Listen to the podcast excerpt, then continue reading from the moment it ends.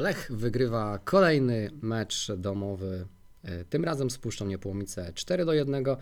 A dzisiaj porozmawiamy o tym, czy to było przełamanie i czy mamy jeszcze więcej powodów do optymizmu. Przed nami również przerwa reprezentacyjna, więc troszeczkę o powołaniach do kadry, a także o meczu w Młodzieżowej Lidze Mistrzów z drużyną francuską Nantes. Wracamy dzisiaj do tradycyjnego składu i jesteśmy dzisiaj z Wami Radek Audański. oraz Marcin Jerzyk. No to zaczynamy.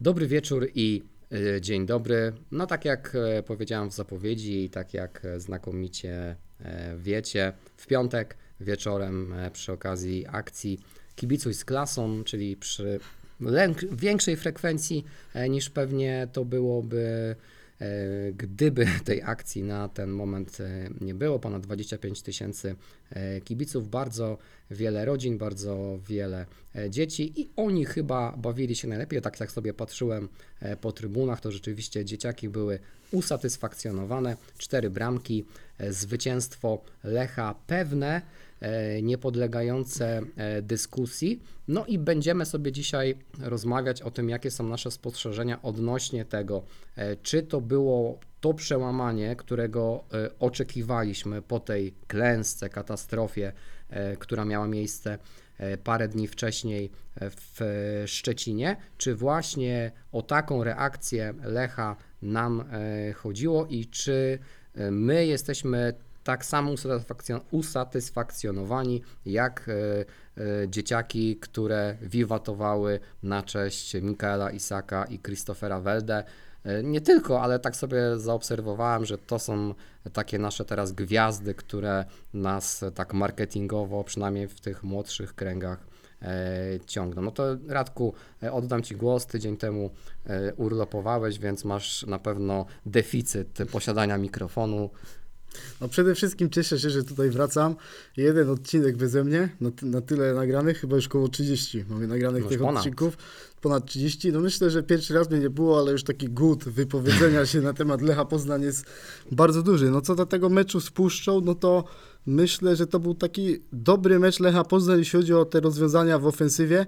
Było widać, że coś tutaj drgnęło do przodu i to, co dobrze wyglądało w meczu z Rakowem, w pewnych fragmentach ze Stalą, to tak samo działało to tutaj. Zastrzeżenia mam co do tego, jak wygląda cały czas formacja defensywna, no bo Lech w każdym meczu traci bramkę, w każdym meczu jest stracona głupia bramka, tak naprawdę. Obrona robi takie błędy, których nie, po, nie, nie powinna popełniać i, i ten Lech Johna Vandenbroma w takim najlepszym okresie takich błędów nie popełniał. Teraz wie- wiemy, że wrócił do składu e, Milic, teraz wraca po kontuzji e, Dagerstal, Micha Blazi też już miał kilka takich solidnych występów, no mimo wszystko od tej formacji defensywnej oczekiwałbym nieco więcej. Też Bartosz Mrozek w bramce, moim zdaniem, w rozegraniu ma bardzo duży deficyt i też nie kupuje tutaj tych głosów wielu kibiców, którzy twierdzą, że, że bramkarz ma bronić, a, a nie rozgrywać. Tak naprawdę Lech jest drużyną, która chce budować akcję od tyłu, która chce być stroną inicjującą, a niestety jak tak grasz, to musisz mieć bramkarza, który widzi na boisku dużo, napędza akcję, jest przydatny przy kontratakach, a Mrozek kilku takich szans w meczu z Puszczą nie wykorzystał. No to były takie mankamenty, o których można mówić. No nie tylko ta stracona bramka, gdzie zrobił kick z Micha Blazic, ale, ale też mam wrażenie, że dwie takie bardzo dobre sytuacje Puszcza miała i w taki, i w taki wręcz kuriozalny sposób nie wykorzystała tych swoich sytuacji bramkowych. To na pewno jest taki, takie coś, co Lech musi udoskonalić, aby być taką drużyną, która powalczy o Mistrzostwo Polski. Mam wrażenie, że silniejszy rywal byłby w stanie te braki dzisiaj obnażyć, ale myślę, że też było wiele plusów, jeśli chodzi o to spotkanie Lecha Poznań. Przede wszystkim dla mnie największym plusem ostatniego czasu jest e, forma Jespera Kalstrema, bo to jest piłkarz, który wreszcie zaczął czuć się tak jak ten prawdziwy szef, którym zachwycaliśmy się długo w Lechu Poznań. To jest taki Kalstrem, którego brakowało w meczu na przykład ze Spartakiem Trnawa. Kalstrem na początku sezonu miał bardzo duży dołek formy, nie dawał praktycznie nic pozytywnego. Dzisiaj znowu rządzi w środku pola, jest znakomity w rozegraniu, czyta e, bardzo dobrze e, grę. No gra tak por- porównywalnie, a nawet lepiej niż Berggren z Rakowa, więc myślę, że to jest znowu topowy pomocnik e, PKO BP Ekstraklasy. No i w tym meczu Karlström udowodnił, że tak naprawdę na nim w dużej mierze i na Perejrze opiera się Lech i jak Lech jest tą drużyną, która tak jak mówiłem, jest tą stroną inicjującą, wyjmiesz tam ważne ogniwo i coś tam przestaje działać. Ja dzisiaj jestem święcie przekonany, że gdyby Jesper Kallström nie dostał tej żółtej kartki w meczu z Rakowem, która moim zdaniem też była dyskusyjna, to mecz w Szczecinie wyglądałby zupełnie inaczej. Że to było, no nie, niektórzy mówią, że nie można tego meczu przegranego 5 do 0 e, sprowadzać do jednego piłkarza, ale ja tak mimo wszystko trochę zrobię, bo uważam, że z Kallströmem Lech by nie przegrał środka pola z Pogonią, a tak naprawdę od tego przegranego środka pola wszystko się zaczęło. Y, Pogoń wtedy gdzieś tam nabrała tego wiatru w żagle, też potem posypała się ta mentalność, ale Marfiński by zagrał też na swojej pozycji, więc myślę, że ten powrót Kallstrema zarówno w tym meczu z Rakowem, jak i teraz spuszczą, dał temu zespołowi y, bardzo dużo, no i myślę, że takie pozytywne akcenty to też postacie, do których nie przywykliśmy, że, że je chwalimy, a teraz mimo wszystko zaczęły w tej drużynie wyglądać lepiej. No Adriel Balua we wszystkich rozgrywkach przez dwa lata w Lechu Poznań miał tylko trzy, bramkę, trzy bramki i asystę, z tego co pamiętam. Teraz, ostatnie 8 dni, popularny Balu, masz teraz dwa gole i, i asystę. A gdyby Christopher Welde w jednej sytuacji zachował się lepiej, dostrzegłby go, podałby mu piłkę, no to mocno prawdopodobne jest to, że strzeliłby swojego drugiego gola e, w tym meczu. Ja też rozmawiałem z Adrielem chwilę w mixzonie po meczu. Adriel był wyjątkowo uśmiechnięty, tryskał taką dobrą e, energią, robił show. Dawno nie widziałem takiego show na trybunie prasowej. Kiedyś może e, robił Christopher Welde w takim jednym wywiadzie pomeczowym, jak też zagrał świetny mecz z Krakowią. Wiemy, piłkarz zagra dobry mecz, to chce się też pokazać również w mediach. No i Balua powiedział, że tak naprawdę przez dłuższy okres miał, miał w Lechu pecha, że, że tak naprawdę nie sprzyjało mu szczęście. Cały czas pracował na treningach ciężko i teraz dostaje gdzieś tam za to wszystko zapłaty. No, Pamiętamy, że Balua był często słusznie krytykowany w Lechu, że już tak naprawdę w Legii czy w Rakowie jakby taki piłkarz tyle czasu był bezużyteczny, to już by go w tym klubie nie było. Tutaj mimo wszystko dostał jednak szansę od klubu Adriel. No i na, na razie w ostatnim czasie pokazuje takie pozytywne symptomy. Z tego, co, co wiemy, niedługo wróci Ali Golizadech do, do składu, zadebiutuje, bo po przerwie na kadrę ma być taki w pełni gotowy. No i te skrzydła Lecha Poznań zaczynają jako, jakoś wyglądać. Też Mikael Iszak, może w, jeśli chodzi o taką decyzyjność boiskową, pressing, podania, nie wyglądał jeszcze jak taka optymalna wersja Mikaela Iszaka, takiego jako, jakiego go znaliśmy chociażby z meczu z Villarrealem w Lidze Konferencji Europy, ale też tak obserwując jego grę widziałem pewne takie pozytywne symptomy, gol, asysta, gol naprawdę piękny i też to pocałowanie herbu takie symboliczne. I ja też widziałem takiego Iszaka w, w tej właśnie strefie prasowej, które który, któremu po prostu spadł kamień z serca. On był naprawdę cały uśmiechnięty na ten, e, podczas tego wywiadu. Widać było, ile ta bramka dla niego znaczy, dla jego też takiego przygotowania mentalnego, to może być dla niego jakieś takie nowe otwarcie w tym Lechu Poznań. No i zobaczymy, jak to będzie wyglądać. Kolejne mecze nam trochę pokażą, czy,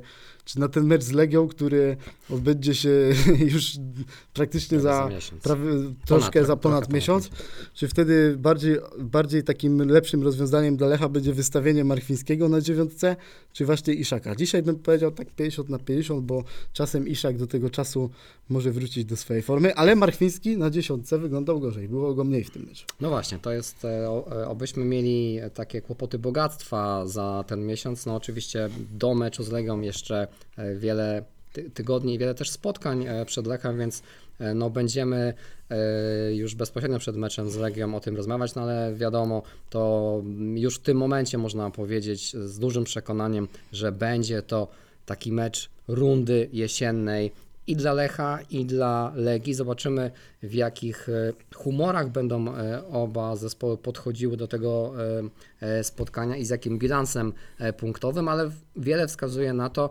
że ta liga przynajmniej jesienią będzie bardzo mocno wyrównana. Tam coraz mocniejszy ścisk w czubie tabeli. Natomiast wracając jeszcze do tego meczu z Puszczą. Ja bym powiedział ze swojej perspektywy, bo oczywiście cieszą mnie te trzy punkty, cieszy mnie kolejne zwycięstwo e, przy bułgarskiej. Natomiast ja bym powiedział, że to był jednak mimo wszystko przeciętny mecz. E, przeciętny mecz tak całościowo piłkarsko, ale też przeciętny w wydaniu Lecha. O pewnych mankamentach już e, tutaj Radek e, powiedział, e, czyli niezbyt pewna gra w obronie. No i fajnie, że wywołałeś ten temat Bartosza Mrozka. Ja też mówiłem wcześniej, zanim on jeszcze wskoczył do składu, że ja chciałbym go zobaczyć w takim pełnym wydaniu, kiedy dostaje szansę grając już w meczu ligowym, grając e, o coś, jak on się zaprezentuje. Natomiast można już troszeczkę podsumować i powiedzieć, że e, te jego występy były też przeciętne, to znaczy on nic nie zawalił. Tutaj troszeczkę się przy, przyłożył do, do tej bramki, może bardziej Michał e, Blažić, ale e, Bednarek przy tej bramce też, e, nie, przepraszam, Bednarek, no cały czas myślę starymi realiami. Bartosz Mrozek nie zrobił wszystkiego, co zrobić by mógł, natomiast on nie zawala, ale też jakby nie dokłada czegoś ekstra od siebie, a wiele było takich głosów, że właśnie Bartosz Mrozek to będzie wreszcie ten bramkarz, który będzie potrafił coś dołożyć ekstra i wyciągać te e, piłki, które teoretycznie e, no, były, byłyby e, sytuacjami e, takimi czysto e, bramkowymi. Tego póki co nie ma, być może e, e, jeszcze potrzebuje czasu, ale no w Lechu tego czasu zbyt wiele nie ma. No i oczywiście to, o czym też już e, e, wspomniałeś, to było szczególnie widoczne e, pod koniec meczu, kiedy no, tak naprawdę grając u siebie e, 3 do 1, e, Bartosz Mrozek tak ostentacyjnie grał na czas przy wybijaniu piłki, które zresztą bardzo często były piłkami straconymi, a natomiast było to tak ostentacyjne, że aż dziwię się, że e, sędzia nie ukarał go e, żółtą kartką i to nie zrobiło na mnie osobiście e, dobrego wrażenia. Nie chodzi mi tutaj o to, żeby jakoś bardzo mocno krytykować, no bo wiadomo, zwycięstwo, tak jak mówię, było pewne, zwycięstwo było tutaj bezdyskusyjne, no ale tak, graliśmy z Puszczą Niepołomice, ta drużyna piłkarsko nie ma zbyt wiele do zaoferowania. Tak naprawdę w tym meczu przy bułgarskiej takim najważniejszym akcentem, najważniejszym elementem, e, który e, piłkarze z Niepołomic pokazali, to była ambicja i tego im odmówić e, nie można. Natomiast no, jeśli chodzi o, takie umiejętności czysto piłkarskie, to ta różnica między obiema ekipami była bardzo mocno wyraźna a już szczególnie jeśli mówiąc o takich poszczególnych indywidualnościach na, na boisku. E, Przy całej sympatii dla tego projektu i takiej nieco romantycznej historii, to bardzo mocno się zdziwię, jeżeli e, Puszczy Niepołomice uda się w Ekstraklasie e, utrzymać, no ale to już nie jest nasz kłopot. Ja mam tylko taką wątpliwość, czy rzeczywiście to był taki mecz właśnie, który miał być meczem na, na przełamanie. Teoretycznie wynik by na to wskazywał, ale jakby sobie e, sprawdzić bramki oczekiwane, to już wcale nie wyglądało aż tak różowo. To nie jest też zarzut. Lech po prostu w tym meczu strzelał z takich sytuacji nieoczywistych, bo zarówno strzał Mikaela Isaka, jak i strzał Jespera Kalsztrema to były strzały, które w tej e, statystyce bramek oczekiwanych miały niską wartość, ale po prostu były to bardzo mocne, mierzone strzały, które zakończyły się e, bramkami i super. E, To dobrze, że piłkarze próbują strzałów z dystansu, chociaż to nie jest taktyka, którą John van den Brom e, by preferował. E, On sam kiedyś na konferencji mówił, że no statystycznie e, z tych strzałów z dystansu pada mniej bramek, więc E, Tutaj ta jego taktyka jest inna, no ale czasami tak jest e, w meczu, że trzeba e, spróbować również strzału z tej pozycji mniej oczywistej. No i tak właśnie jeszcze kończąc ten wątek e, bramek oczekiwanych, Puszcza Niepołomice w tej klasyfikacji, w tej statystyce miała wskaźnik wyższy. No i jeszcze w momencie, kiedy Lech prowadził 2 do 1, tuż na początku e, drugiej połowy, właśnie to, co wspomniałeś, prawdopodobnie o tym, e, o tym mówiłeś, kiedy no, stuprocentowa sytuacja dla, dla Puszczy, ciężko powiedzieć w jaki sposób bramka, e, piłka nie znalazła się e, w bramce, no i szczęśliwie e, chwilę e, później Lech strzelił na 3 do 1, no i później e, można powiedzieć, że może nie zaciągnął całkowicie e, hamulca, ale na pewno e, zmienił e, bieg. No i ten mecz już do końca e, wyglądał no, nieco bardziej przeciętnie i już myślę, że nieco mniej e, publikę mm, e, pociągnął. Natomiast tak jak mówisz, sytuacja e, w tabeli jest niezła. My statystycznie punktujemy naprawdę dobrze na mecz. Wciąż ciężko jest mi powiedzieć, czy my wchodzimy na ten e, wyższy bieg i czy jest więcej optymizmu, nie mówiąc o punktach, ale mówiąc o takim optymizmie wynikającym z samego tego, w jaki sposób Lech gra, w jaki sposób e, grę e, prowadzi. No i teraz przed nami te dwa tygodnie, w trakcie których możemy liczyć na to, czy przynajmniej możemy oczekiwać tego, że Ali Golizadeh e, do pełnej dyspozycji meczowej dojdzie i zobaczymy go, nie wiem, czy już w meczu z ŁKS-em, pewnie nie, a może już tak, e, no bo ile można na niego czekać. E, W każdym razie, no ten terminarz nam sprzyja, bo mamy teraz kolejny mecz domowy przed sobą, mecz z ŁKS-em. Nie będziemy o nim zbyt dużo dzisiaj mówić, bo to jest zbyt odległa e, perspektywa, no ale wiemy, ŁKS jest też drużyną, która dopiero co do ekstraklasy wchodzi, ma swoje problemy, ostatnie miejsce w tabeli. Później będziemy rozgrywać to zaległe spotkanie z Jagiellonią, też domowe, ale to na pewno będzie trudniejsze spotkanie. Jagiellonia wyjątkowo dobrze sobie w e, tym sezonie radzi. Czeka nas wyjazd do Krakowa na mecz z Krakowią i kolejny mecz domowy, tym razem z Ruchem Chorzów, z kolejnym Beniaminkiem, który również jest w e, strefie e, spadkowej i Następnie już ten oczekiwany od e, paru tygodni, nawet przez nas zapowiadany mecz e, wyjazdowy w Warszawie, prawdopodobnie 12 listopada, z racji tego, że 11 listopada to e, święto narodowe i wiele różnych innych wydarzeń będzie wówczas miało miejsce właśnie w Warszawie. I do tego, do tego wątku będziemy sobie wracać. No tym niemniej, ten układ spotkań zdecydowanie Lechowi sprzyja. Mam nadzieję, że Lech pomalutku, pomalutku się e, rozpędza.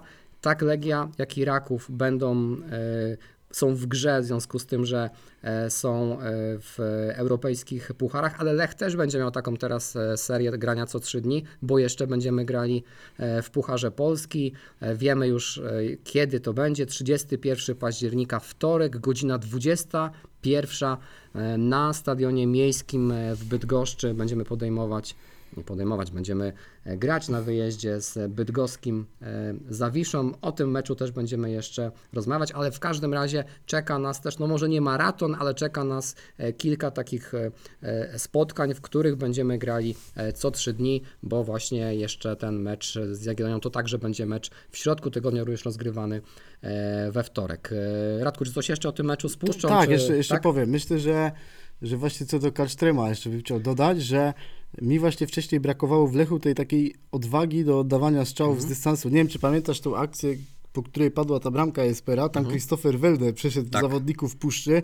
Christopher Welde w tym meczu, mimo że nie miał liczb, no to znowu udowodnił, że jest, na, że jest najlepiej Tak dryblującym piłkarzem Ekstraklasy i zagrał naprawdę świetny mecz, ale tam wtedy było podanie i tam się aż prosiło, żeby strzelić na bramkę, a piłkarze Lecha próbowali tak przekombinowywać tą akcję, a potem, kiedy się wydawało, że ta akcja już tak spaliła na panewce, no to wtedy Giesper Kasztem zdecydował się na strzał, który, który przyniósł bramkę i myślę, że tego trochę mimo wszystko e, brakowało w Lechu Poznań. Jeszcze myślę tak, e, co, żeby sobie tak przeanalizować tego, tego Lecha w ostatnim czasie, no to myślę, że mimo wszystko jednak widać, że że to idzie do przodu. Ja tak oglądałem sobie te mecze właśnie i, i ze Stalą Mielec, i z Rakowem, ten z Pogonią niestety też i teraz, i teraz ten z Puszczą Niepołomice. A przyznam szczerze, że meczu z Pogonią oglądałem na żywo, pierwszy raz od dawna, bo byłem akurat jeszcze wtedy na wyprawie To rowerowej, cały dzień jeździłem i tak sobie pomyślałem potem zostawić was na chwilę No samych i, i co się Więcej, dzieje. więcej niż żadnych, żadnych wakacji. Ale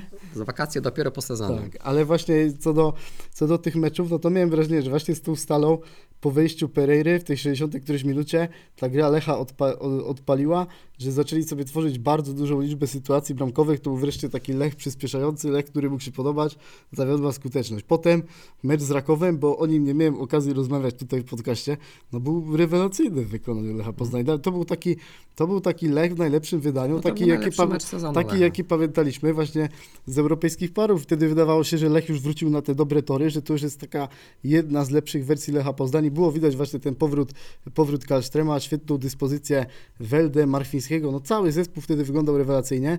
Potem z Pogonią nie zagrały pewne okoliczności, jak już mówiłem z tym Kaczem, ale teraz Lech wraca z puszczą i znowu ci gracze, których chwaliłem, znowu wyglądają dobrze. Tu jest jakaś ciągłość w tym wszystkim i, i dlatego to mnie trochę napawa optymizmem na przyszłość. No i też ten dorobek punktowy, tak jak już wcześniej wspomniałeś, według mnie jest bardzo pozytywny. No dzisiaj tak naprawdę patrzysz sobie w historię Lecha Poznań, Lech ma 20 punktów po, po 10 meczach, tylko dwukrotnie w swojej historii robił lepszy rezultat. Nawet w tych sezonach, nawet w niektórych sezonach mistrzowskich Lech nie zdobywał tylu punktów po, na początku sezonu, ile ma teraz. A mam wrażenie, że ta krytyka jest taka duża, że gdzieś tam w Lechu teraz wszystkie błędy, które popełniają piłkarze, wspomina się podwójnie. Przez, to, przez ten koszmar, który był w Trnawie, cały czas jest ta złość i nawet jak piłkarze zrobią coś źle, to im się obrywa za to wszystko podwójnie, gdzieś tam tylko to Mistrzostwo Polski jest w stanie gdzieś tam zmazać tą zadrę, ale myślę, że kibic jest taki emocjonalny i musi tak reagować i nawet dobrze, że, że tak się dzieje i że jest taka chęć tutaj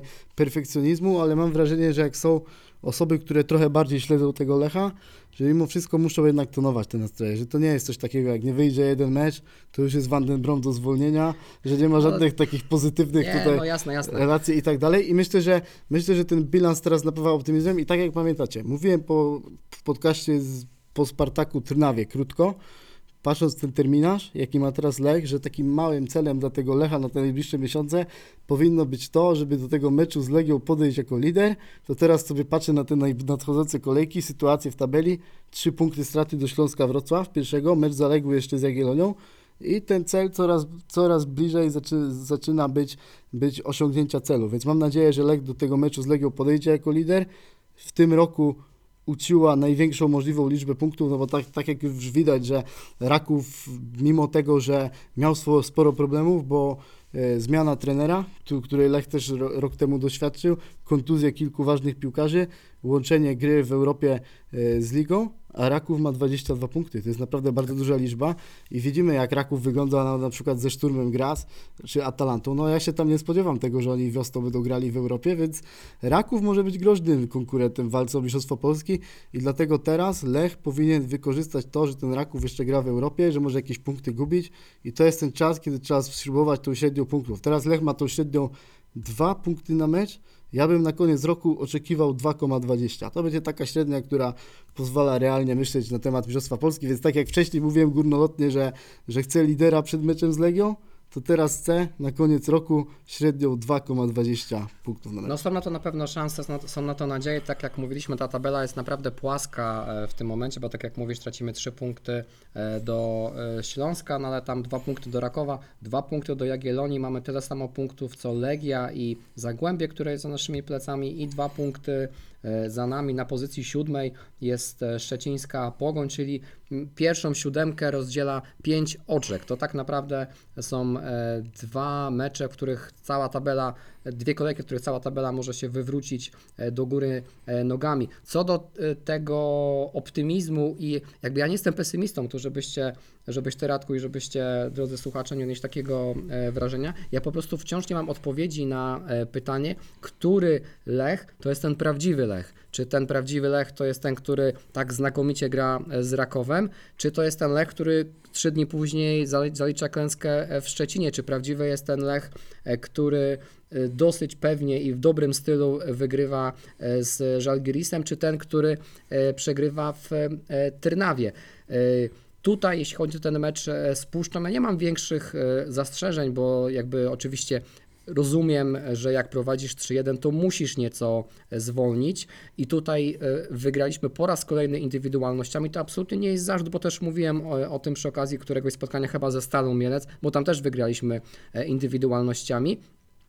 Te drużyny, z którymi graliśmy, były po prostu piłkarsko od nas dużo, dużo słabsze. Stal zagrała lepiej taktycznie, Puszcza już niekoniecznie, więc to po prostu na boisku było bardzo mocno widać. E, Liczę na to, że po prostu ten układ spotkań jest dla nas bardzo korzystny, że my ten układ spotkań e, wykorzystamy. Nie mamy specjalnie e, marginesu błędu e, w e, tym momencie, jeżeli chcemy oczywiście e, do meczu e, z Warsz- e, w Warszawie z Legią e, przystąpić, tak jak Radek mówi, z pozycji lidera, bądź też mając e, no, zbliżoną liczbę punktów e, do Legii, tak aby ten mecz rzeczywiście mógł być takim meczem, przynajmniej o fotel lidera, no bo raczej o mistrza jesieni to jeszcze zbyt wcześnie.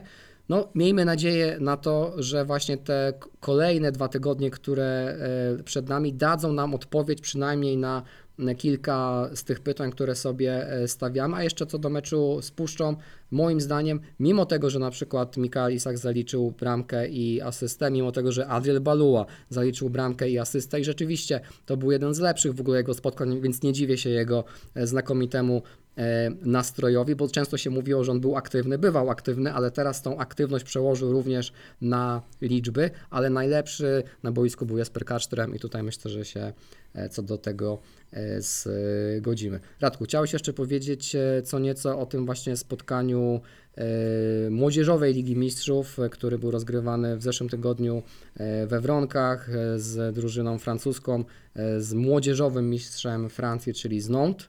Byłeś na tym meczu e, i obserwowałeś go osobiście. Jakie spostrzeżenia?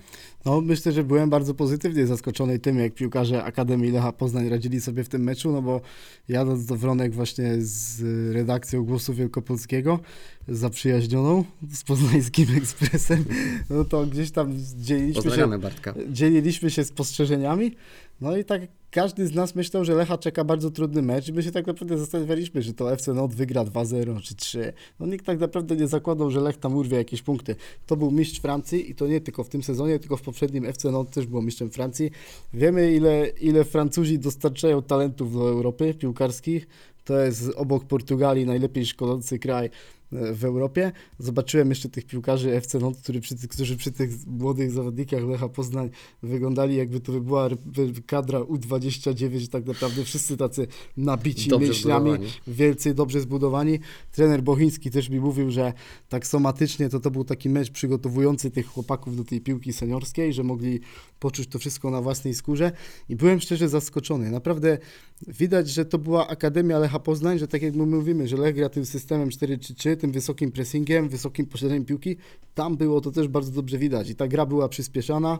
Lech w takich aspektach stricte piłkarskich, technicznych był lepszy od tego FC Nond. Ja to wszystko widziałem w pierwszej połowie i naprawdę łapałem się za głowę, jak, jak ten Lech Poznań wygląda. Naprawdę. Na przykład Tomaszewski w obronie. Zagrał świetny mecz, też wyprowadzenie piłki naprawdę na bardzo wysokim poziomie. Bramkarz Pruchniewski, też kilka dobrych interwencji. Wiem, że ten bramkarz ma taką tendencję wzrostową, też jest w, w rozegraniu bardzo dobry, więc zobaczymy. Może za jakiś czas gdzieś to będzie próbowany do pierwszego zespołu. Myślę, że to jest chłopak, któremu też warto się przeglądać. No i kilku takich piłkarzy, którzy też robili różnicę. Aleksander Nadolski już był w pierwszym zespole u Johna Vandenbroma. Tam też naprawdę był aktywny w środku pola. Teraz też w meczu z Legią U19 gol i asysta. To jest też jeden z ciekawszych chłopaków. No i, no i Max Dziuba, który imponuje przygotowaniem technicznym. To jest piłkarz, który też myślę, że za jakiś czas pójdzie już na wypożyczenie do pierwszej ligi i kiedy gdzieś tam może być szykowany do, do pierwszego zespołu Lecha Poznań. Norbert Pasławski, który też znalazł lepszy czas. No generalnie byłem zdziwiony tym, że tak naprawdę jedyny atut, którym górowało FC Not nad Lechem Poznań, to było, to było tylko to przygotowanie fizyczne, ta, ta ich siła, te, te, te warunki, bo poza tym Lech takim rzemiośle piłkarskim był zdecydowanie lepszy. Nie spodziewałem się takiego meczu. Też po tym spotkaniu była e, przeprowadzona bardzo ciekawa inicjatywa, słuszna. Taka tradycja jest w Youth League, że, że po zagranym meczu te dwie drużyny jedzą ze sobą wspólny posiłek, wymieniają się różnymi spostrzeżeniami.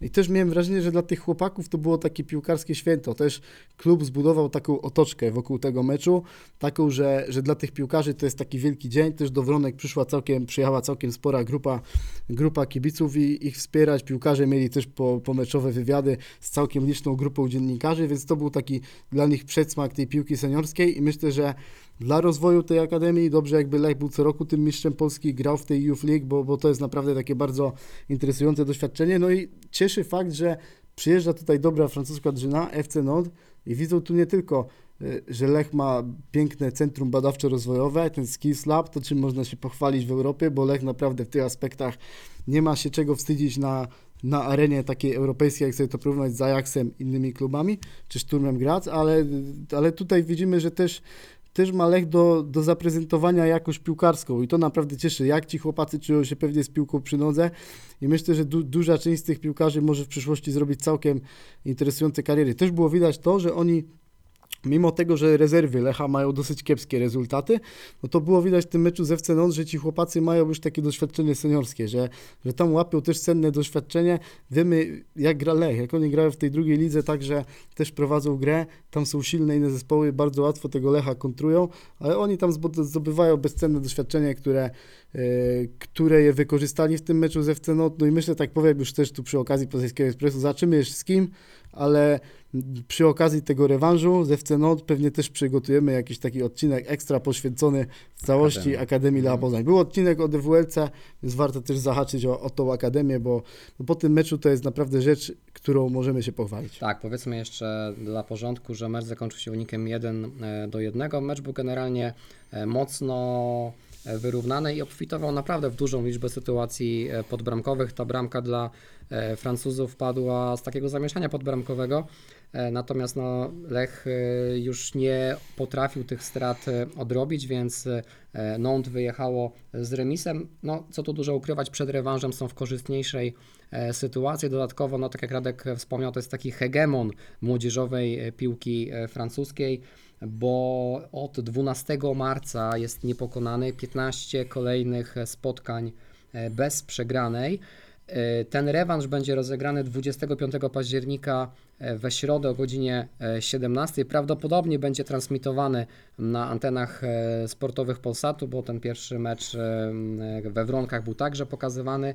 E, No i tak jak Radek mówi, postaramy się coś dla Was e, przygotować, no bo to jest, co tu dużo e, ukrywać, e, spore wydarzenie. Gdyby się udało e, Lechowi e, e, Kanarki wyeliminować, to w drugiej fazie e, Młodzieżowej Ligi Mistrzów zagralibyśmy albo z Malmö, albo z HJK e, Helsinki, no ale to jest jeszcze e, daleka e, perspektywa. No nie ma co ukrywać, że na pewno Francuzi są faworytem tego rewanżu, no ale też tak jak Radek wspomniał, Lech w tym meczu zagrał w takim składzie mocno doświadczonym. Oczywiście biorąc pod uwagę, że to jest drużyna U19, ale tam już zagrało kilku chłopaków, którzy mają doświadczenie z drugiej ligi, bo grali, grali w rezerwach. Niektórzy nawet, tak jak wspomniałeś, e, e, nie grali. Michał Gurgut No Michał Gurgut to już jest, to już to już jest wyjątkowo doświadczony piłkarz, e, ale no chociażby właśnie Aleksander Nadolski, który był już na zgrupowaniu e, przedsezonowym i tam też tak bardzo dobre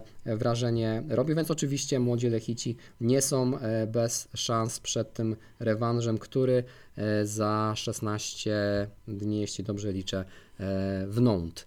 E, Dobra, no to jeszcze e, trochę się rozgadaliśmy, ale to wiadomo, Radka tydzień temu nie było, więc trzeba, trzeba nadrobić. Ale to jeszcze kilka słów e, o tej przerwie na kadrę, ale w kontekście lechowym, a przede wszystkim w kontekście Filipa Marchwińskiego. Tak jak się wszyscy spodziewali, Michał Probierz w swoim debiucie jako selekcjoner dał szansę, czy w debiucie jako mm, selekcjoner, który powołuje, dowołał swojego dobrego znajomego z reprezentacji młodzieżowej, czyli właśnie e, Marchewę e, i Filip będzie miał e, możliwość czy szansę już w czwartek e, wyjazdowe spotkanie z Wyspami Owczymi, aby tam e, zadebiutować. No ja jeszcze po cichu liczyłem na Radka Murawskiego w tej Mhm. reprezentacji, zwłaszcza po tym meczu z, Ra- z Rakowem, wtedy naprawdę Muraś też zaprezentował się no tak reprezentacyjnie i uważam, że ze Sliszem mógłby rywalizować wtedy o tą pozycję numer 6, może za jakiś czas się Mhm. uda, jeszcze Radek musi zagrać trochę dobrych meczów, ale na pewno Marchewa zasłużył na to powołanie, no 14 bramek w tym roku,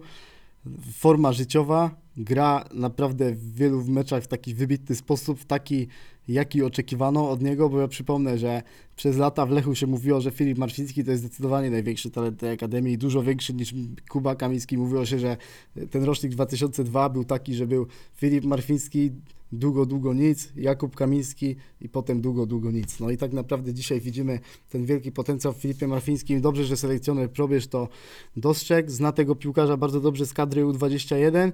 No i myślę, że jakieś, jakieś minuty dostanie Marchewa. Było widać w Lechu też takie To jest dobry mecz na tak, debiut. pozytywne głosy było słychać, takie, że Lech się bardzo cieszy z tego powołania, Filip Tak samo myślę, że dużo też będzie zależeć od tego, jak się ułoży pierwsza połowa tego meczu z Wyspami Owczymi, bo jak Polska już wcześniej strzeli jakieś, jakieś bramki, no to myślę, że wtedy Michałowi Probierzowi też będzie łatwiej wpuścić marchewę. W pierwszym składzie się go nie spodziewam, mimo tego, że nie ma e, Roberta Lewandowskiego i przypuszczam, że wyjdziemy tym ustawieniem 3-5-2, no ale i tak, teraz wystarczy spojrzeć. Arek Milik został MVP ostatnio w derbach Turynu, jest w wysokiej formie. Karol Świderski, cztery bramki i asysta w październiku e, w Charlotte. No to więc myślę, że Marchwiński będzie, będzie taką rezerwową opcją do Będzie ataku. naszym jokerem. Tak, może być tym jokerem, z którego Michał Probierz skorzysta, ale myślę, że też jeszcze Filip Marfiński po meczu z Puszczą odbył jedno ciekawe spotkanie i myślę, że to też jest taki ciekawy dosyć temat do omówienia. Tak, no wybrał się do Włoch, prawda? Na, na spotkanie z, ze swoją agencją e, menedżerską. Co ciekawe,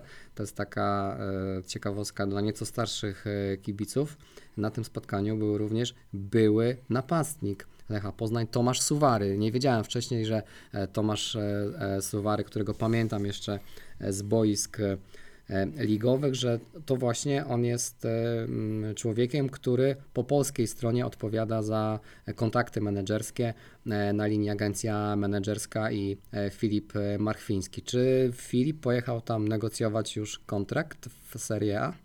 No ja myślę, że bez powodu się nie lata do pięknej Italii, e, spotkać się z całą rodziną Brankini. może potrzebował słońca Tak. trochę po prostu. I pojechał spotkać się z całą rodziną Brankini do Mediolanu, czyli do stolicy Calcio Mercato. Wiemy, że wiele transakcji odbywa się właśnie w Mediolanie, ale jak już mówimy o transferach, to na pewno Milan czy Inter raczej z tej listy bym wykluczył, no bo to są raczej, Ale raczej, może? raczej kluby, Też które... niedaleko. Tak, ale Moncy bym tak całkowicie wykluczył. I ja właśnie chciałbym powiedzieć trochę też takich kulisów co do rodziny Brankini, bo mam wrażenie, że w Poznaniu mamy taki mylny mit, że kiedy Filip Marfiński przeszedł do agencji Brankini, że jest tam jednym piłkarzem z wielu, że oni tak naprawdę mogą gdzieś tam tego Filipa Marfińskiego tak o sobie sprzedać, mieć takie luźne podejście co do niego, bo to jest jeden z wielu piłkarzy, mają wielu do wytransferowania, a gdzieś tam przy okazji ten Marfiński kiedyś będzie No bo to sprzedany. jest wielka agencja menedżerska, tak? Ja powiem tak, agencja Brankini kiedyś była wielka. Kiedyś była wielka, kiedyś tam byli piłkarze pokroju Rui- Rujego Koszty. Yy, Też kiedy jeszcze Filip Marfiński kilka lat temu podpisywał z nimi kontrakt, to oni też byli jeszcze wielu takich dobrych piłkarzy na dorobku, gdzie można było przeprowadzić e, luksusowe transfery. Teraz ta sytuacja się zmieniła. Też rozmawiałem z kilkoma ludźmi z Włoch. Agencja Brankini zaliczyła bardzo duży zjazd, jeśli chodzi o rynek włoski. Nie mają wielu dobrych piłkarzy teraz takich do sprzedania. Ja sobie sprawdziłem, e, jacy piłka, jakich piłkarzy reprezentuje Giovanni Brankini i ta lista nie jest jakaś imponująca. Tam jest jedynką. Najwię- najbardziej warto jest Fabio Miretti. To jest młody piłkarz Juventusu, który, e, który jest warty bodajże na Transfermarkcie 18 milionów euro. Też młody piłkarz, talent, jest w Juventusie, ale no też tak jak Marchewa, długo w Lechu zawodzi. Dosyć i jak tam będzie jakiś transfer, to pewnie jakieś wypożyczenie do słabszego klubu. Drugim jest Mbalanzola, który teraz przeszedł do, do Fiorentiny ze Specji podczas zeszłego lata, a trzecim piłkarzem najwięcej wartym w agencji Brankini jest właśnie Filip Marfiński. I generalnie jak sobie weźmiemy pod uwagę, to jest piłkarz, na którym agencja Brankini może teraz najwięcej zarobić. Tak naprawdę Marchewa może być tym oczkiem w głowie Giovanniego Brankiniego, aby go wysłać do Włoch, aby jakoś go dobrze e, spieniężyć. I mam wrażenie, że Filip Marfiński, Giovanni Brankini i Lech Poznań zdają sobie sprawę z tego, że najlepsza opcja dla wszystkich trzech stron to jest sprzedaż Filipa Marfińskiego teraz podczas zimowego Mercato, bo, o, bo tak naprawdę Lech dzisiaj nie gra w europejskich pucharach, bo gdyby grał w europejskich pucharach na wiosnę, no to wiemy, że tam ta wartość mogłaby by zostać mocno podbita. Dzisiaj tak naprawdę ciężko już ją podbić, bo Filip rozgrywa świetny rok. Gra, ma już 14 goli e, w tym roku we wszystkich rozgrywkach. Wysoce prawdopodobne jest to, że dobije do 20. To są naprawdę znakomite liczby, które bardzo mocno windują jego wartość, a gdzieś tam czekanie do letniego okna. Mam wrażenie, że wiąże się z ryzykiem, bo bramka, piłkarz może się zaciąć, odpukać, mam nadzieję, że coś się stanie, może też się pojawić kontuzja, jeszcze bardziej odpukać. No i myślę, że myślę, że to ryzyko sprawia, że gdzieś tam te strony będą chciały się porozumieć z jakimś klubem, ale też nie wyobrażam sobie, żeby Filip Marfiński odszedł z Lecha w trakcie tego sezonu, więc jakby miało dojść do transakcji, to wydaje mi się, że mimo wszystko będzie jak z Kubą Kamińskim. Zimą sprzedajemy, ale wypożyczamy jeszcze, jeszcze na pół roku. Marchewa ma kontrakt do 2025 roku. Lech chciał ten kontrakt dłuższy, ale gdzieś tam już nie szło się dogadać na ten kontrakt do 2026 roku, więc jak Lech chce zarobić dobre pieniądze na Marfińskim, to trzeba go sprzedać dosyć szybko. I ja tak sobie gdzieś tam sprawdzam też te włoskie kluby, no bo jak wiecie, też dosyć siedzę w tej włoskiej piłce tak zawodowo. No i według mnie Marfiński powinien iść do klubu włoskiego, który gra piłką przy nodze. Cieszy się z gry w piłkę, stylowo jest podobny do Lecha Poznań. I tak na szybko takie zespoły, które grają w takim stylu we włoskiej Serie A, to jest albo Sassuolo, albo Monza, gdzie jest bardzo zdolny trener Raffaele Palladino, jeden z najbardziej zdolnych we Włoszech. Monza ma wysokie posiadanie piłki, ich gra cieszy oko. Napastnikiem jest Lorenzo Colombo, który nie jest jakiś wybitny tak naprawdę, a Marchewa może obskoczyć i dziesiątkę. Y, Monza gra na, na te dwie dziesiątki i jako napastnik. Wiemy, że tam trochę teraz został zakręcony kurek po śmierci Silvio Berlusconiego, ale Galliani się z piłki nie wycofuje. Monza widzimy, że cały czas potrafi robić głośne transfery. Papu Gomez niedawno chociażby przeszedł do tej, do tej Moncy i ja tak właśnie obserwując sobie tą Moncę, jak ten klub się rozwija, teraz siódme miejsce w tabeli, gra ciesząca oko, myślę, że to by było najciekawsze miejsce dla, dla Filipa Marfińskiego, więc gdzieś tam trzymam kciuki, że jak odejdzie z Lecha, żeby mądrze wybrał ten klub, bo, bo to jest naprawdę bardzo ważne e, w kierunku takiej dalszej przyszłości. Wiem, że może teraz górnolotnie mówię o tym transferze tak szybciej, ale widać było po, po tym spotkaniu, że coś gdzieś tam delikatnie zaczyna w trawie piszczeć. No na pewno. E, No tak, oczywiście życzymy jak najlepiej Filipowi Marfińskiemu. E, Przez moment się zmartwiłem tą koncepcją, że już w zimowym Mercato Filip miałby podpisać e, umowę, ale rzeczywiście ta koncepcja e, z takim transferem ala Jakub e, Kamiński brz- brzmi rozsądnie. Ja przede wszystkim, przede wszystkim życzyłbym sobie, żeby Filip Marfiński e, zdążył jeszcze z Lechem zdobyć mistrzostwo i Puchar Polski i dopiero wówczas z tym dubletem wyjechał do Serie A. No a jeśli miałaby to być Monza, to może co nieco o tym e, mieście i o tej drużynie mógłby mu odpowiedzieć Christian Gytkier, który tam trochę Już czasu Wenecja spędził. Już teraz w Wenecji, tak, tak, ale, e, ale e, nieco, nieco czasu w drużynie z Moncy spędził. Jeszcze w Serie, B- w serie B, ale również w Serie A miał, miał pewien wkład w, w wyniki tej No drużyny. i ostatni aspekt, który może też świadczyć o tym, że Lech może Marfińskiego sprzedać zimą, jest taki, że wiemy chociażby z wielu wywiadów z Tomaszem Rząsą czy Piotrem Rutkowskim, jak ważne dla budżetu Lecha jest to, żeby spieniężać piłkarzy z akademii, że to, to, to i europejskie puchary to są główne źródła przychodu Lecha Poznań. Teraz wiemy, że tych europejskich pucharów nie ma, nie będzie tych wpływów, będzie trzeba szukać pieniędzy gdzieś indziej i wydaje mi się, że ta sytuacja też może determinować ten fakt, że Marfiński może zostać sprzedany już zimą. No dobrze, to tym, to tym wątkiem z pogranicza Calcio Mercato możemy pomału zamykać dzisiejszy odcinek Poznańskiego Ekspresu. Jak wiecie, przed nami już w zasadzie rozpoczęta przerwa reprezentacyjna. Kolejna e, tej jesieni, jeszcze jedna nas czeka e, w listopadzie. Ja osobiście za tymi e, przerwami nie przepadam, bo już nie mogę się doczekać kolejnego spotkania Lecha.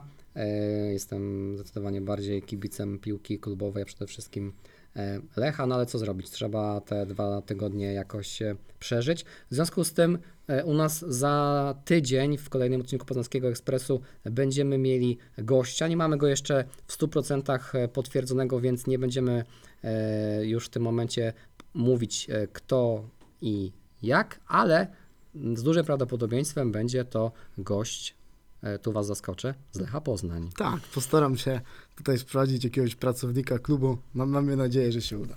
No dobrze. E, To trochę się rozgadaliśmy, ale mam nadzieję, że nam to e, wybaczycie.